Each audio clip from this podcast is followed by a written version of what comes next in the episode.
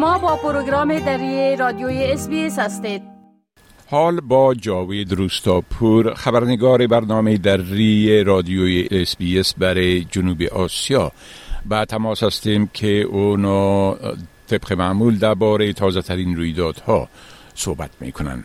آقای روستاپور با عرض سلام. خب گفته میشه که وزارت امر به معروف و نهی از منکر دستور داده که همه آرایشگاه ها در افغانستان بسته شود. بله؟ بله با سلام وقت شما بخیر آقای شکر امان گونه که شما اشاره کردین در مکتوبی که وزارت امر به معروف و نهی از منکر طالبان صادر کرده در شبکه های اجتماعی دست به دست میشه. گفته شده که این تصمیم به اساس هدایت شفایی ملا عیدتالله آخونزاده رهبر این گروه گرفته شده است. این وزارت به اداره معلی طالبان در ولایات تاکید کرده که در زمینه برچیدن آرایشگاه زنانه اقدام جدی را باید انجام بدن. آرایشگاه زنانه هرچند پس از تسلط طالبان در کابل روی کرده کارشان را تغییر دادن یعنی لوه هایشان و بنرهایشان را تغییر دادن حتی دیگر تصاویر و تابلو این چیزها را از, از دروازهشان بستن. ولی با این وجود هم در نهایت طالبان تصمیم گرفتن که آرایشگاه باید بسته شوند و شماری از آرایشگران گفتند که تنها نانآور خانوادهایشان هستند و با از دست دادن این شغلشان دیگر توان معیشت خانواده خود را هم ندارند. در واکنش با اقدام طالبان شماری از شهروندان کشور به ویژه پایتخت نشینان گفتند که کار حقی زن و مرد است در هر کشور. و خاطر از اینکه در اقتصاد خانواده باید مشارکت داشته باشند ولی از طالبان خواستند که باید از این تصمیمشان منصرف شوند و با یک روی کردی دیگه باید به آرایشگرا و به کار زنانی که آرایشگر هستن اجازه بدن. ولی طالبان تا کنون در تصمیمشان جدی و هر کار که خواستن انجام دادن. بله خب در این ضمن گفتم میشه که یک کمپاین تویتری برای باز شدن مکاتب دخترا راه اندازی شده. میشه که در این باره یک مقدار تفصیلات بتین لطفا؟ شماری از فعالان مدنی افغانستان سیاستمداران و برخی کنشگران با اندازی کمپاینی از مقامات طالبان خواستند تا دیگر به بانه های مختلف از روند آموزش و تحصیل دختران و زنان جلوگیری نکنند. این فعالان در کمپاین تویتری که آغاز کردن در نخست یک اعلامیه نشر کردن که در اعلامیه را اندازی کمپاینشان گفتند که و هدفشان را از این کار اونا گفتند که اول تاکیدشان بالای طالب که باید دروازه مکاتب را باز کنند و همچنان در اعلامیه تاکید کردند که مسئولان وزارت معارف طالبا تا کنون بارها اعلام کردند که ما روی طرحی کار می‌کنیم و به زودی قرار است دروازه مکاتب باز شد ولی گفتم که همه بانه است و دیگر باید از این بانه دست بکشند. در بخشی از اعلامی هم از جامعه جهانی خواستند که باید بالای طالبا فشار آورده شود و و دروازه مکاتب و بانتینو را برای دخترها باز کنند. همچنان از اولیای شاگردان مکاتب و معصلین دختر خواسته شده که از حق تعلیم تحصیلی فرزندانشان را جدی هم از حکومت طالبا و هم از جامعه جهانی و مطالباتشان جدیتر اینا رایت کنند تا دروازه های مکاتب و پانتینا برای دختران باز شود.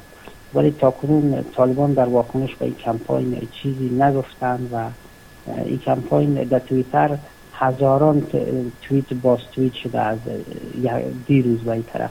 ولی اینکه چقدر تاثیر گذار است در گذشت زمان پاسخ خواهد داد.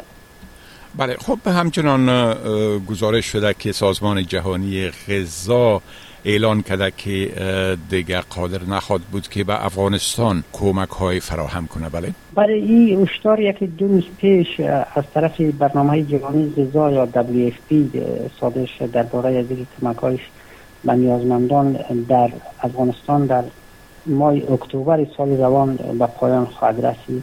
اما همزمان با این اعلامیه شماری از شهروندان افغانستان نگرانیشون را در شبکه های اجتماعی و برخی رسانه اعلام کردن و گفتن که زندگیشان وابسته به دریافت کمک های این و این کمک ها قطع شود فرزندانی و به خصوص کودکان از گرسنگی خواهند مرد. هرچند گزارش شده که تعداد اندکی یعنی کمتری آنچه کمک کمک های دبلیو به خانواده فقیر و بزاعت می‌رسه ولی با وجود این هم این کمک ها تاثیرات بسزایی در وضعیت کنونی فقر مردم افغانستان با فقر در پنجه نرم می‌کنن داشته است همزمان با این وزارت اقتصاد طالبا گفته که جامعه جهانی و نهادهای این باید در وضعیت کنونی کمکایشان را به نیازمندان ادامه بدهند. سخنگوی این وزارت تاکید کرده که از یک طرف تحریم ها و تذرات اقتصادی و از طرف دیگر کاهش کمک ها جامعه جهانی نباید اینا گفتن نباید اقتصام کنند در کنار باید جامعه جهانی گفته که تاکید کرده که برنامه های زیربینایی و پروژه ها را عملی کنه تا مردم افغانستان کار برشون پیدا شد وزارت اقتصاد طالبا بدون از که جزیات ارائه کند. گفته که ما روی طرحی کار می‌کنیم تا به اساس از او زمینه فقر از افغانستان بد چینیم و زمینه کار معلی کار دائمی را برای مردم افغانستان فراهم کنیم. بله. خب گفته میشه که صدها کارخانه بودوزی عمدتا در کابل بسته شده و صاحبایش میگه که اونا بازار برای محصولاتشان ندارن. بله؟ دقیقا مسئولان اتحادیه بودوزان شهر کابل گفته که فقر و بیکاری از عوامل اساسی مسئول شدن این کارخانه است. اما در پهلوی از این افزایش واردات کفشای یا بوتهای خارجی از کشورهای مثل چین، ایران و پاکستان از علتهای دیگری مسئول شدن این کارخانه هستند. مسئولان این گفتند که در گذشته در نظام گذشته به تعداد 635 کارخانه بودوزی در افغانستان فعال بود که ولی از این جمله 350 تا این کارخانه در کابل بود که با رکود مواجه شده و بیش از 4000 نفر از کارکنان کارخانه بیکار شده. این تیاریه گفته در حال حاضر 80 درصد کارخانه کارشون مسدود شده و 20 درصد هم که فعالیت دارن به اونه فلج یعنی پراغنده کار می‌کنن و بین این میره که در نزدیک اینا هم مسدود شوند. چون از یک طرف بازار ندارن و طرف دیگه هم موضوعی است که بیشتر کارمندایشان که فنی بودن یا کار رها کردن به دلیل اینا توان پرداختی حقوق یا معاش اینا را نداشتن این در حالی که پیش از این هم گزارش ها از بسته شدن هزاران کارخانه دیگر در بخش های دیگر مثل تولیداتی پیراهن تنبان قسط قرقل و همچنان تولیدات کاشی و وسایل برقی که عمدتا در ولایت هرات تولید داشتن اینا از مسدود شدن کارهایشان و بسته شدن گزارش کرده بله خب بسیار تشکر آقای روستاپور از این معلوماتتان و فعلا شما را به خدا می سپارم و روز خوش برتان آرزو می کنم روز شما هم خوش خدا نگهدارتان. می خواهید این گونه گزارش ها را بیشتر بشنوید؟ با این گزارشات از طریق Apple Podcast، Google Podcast، Spotify و یا هر جایی که پادکاستتان را می گیرید گوش دهید.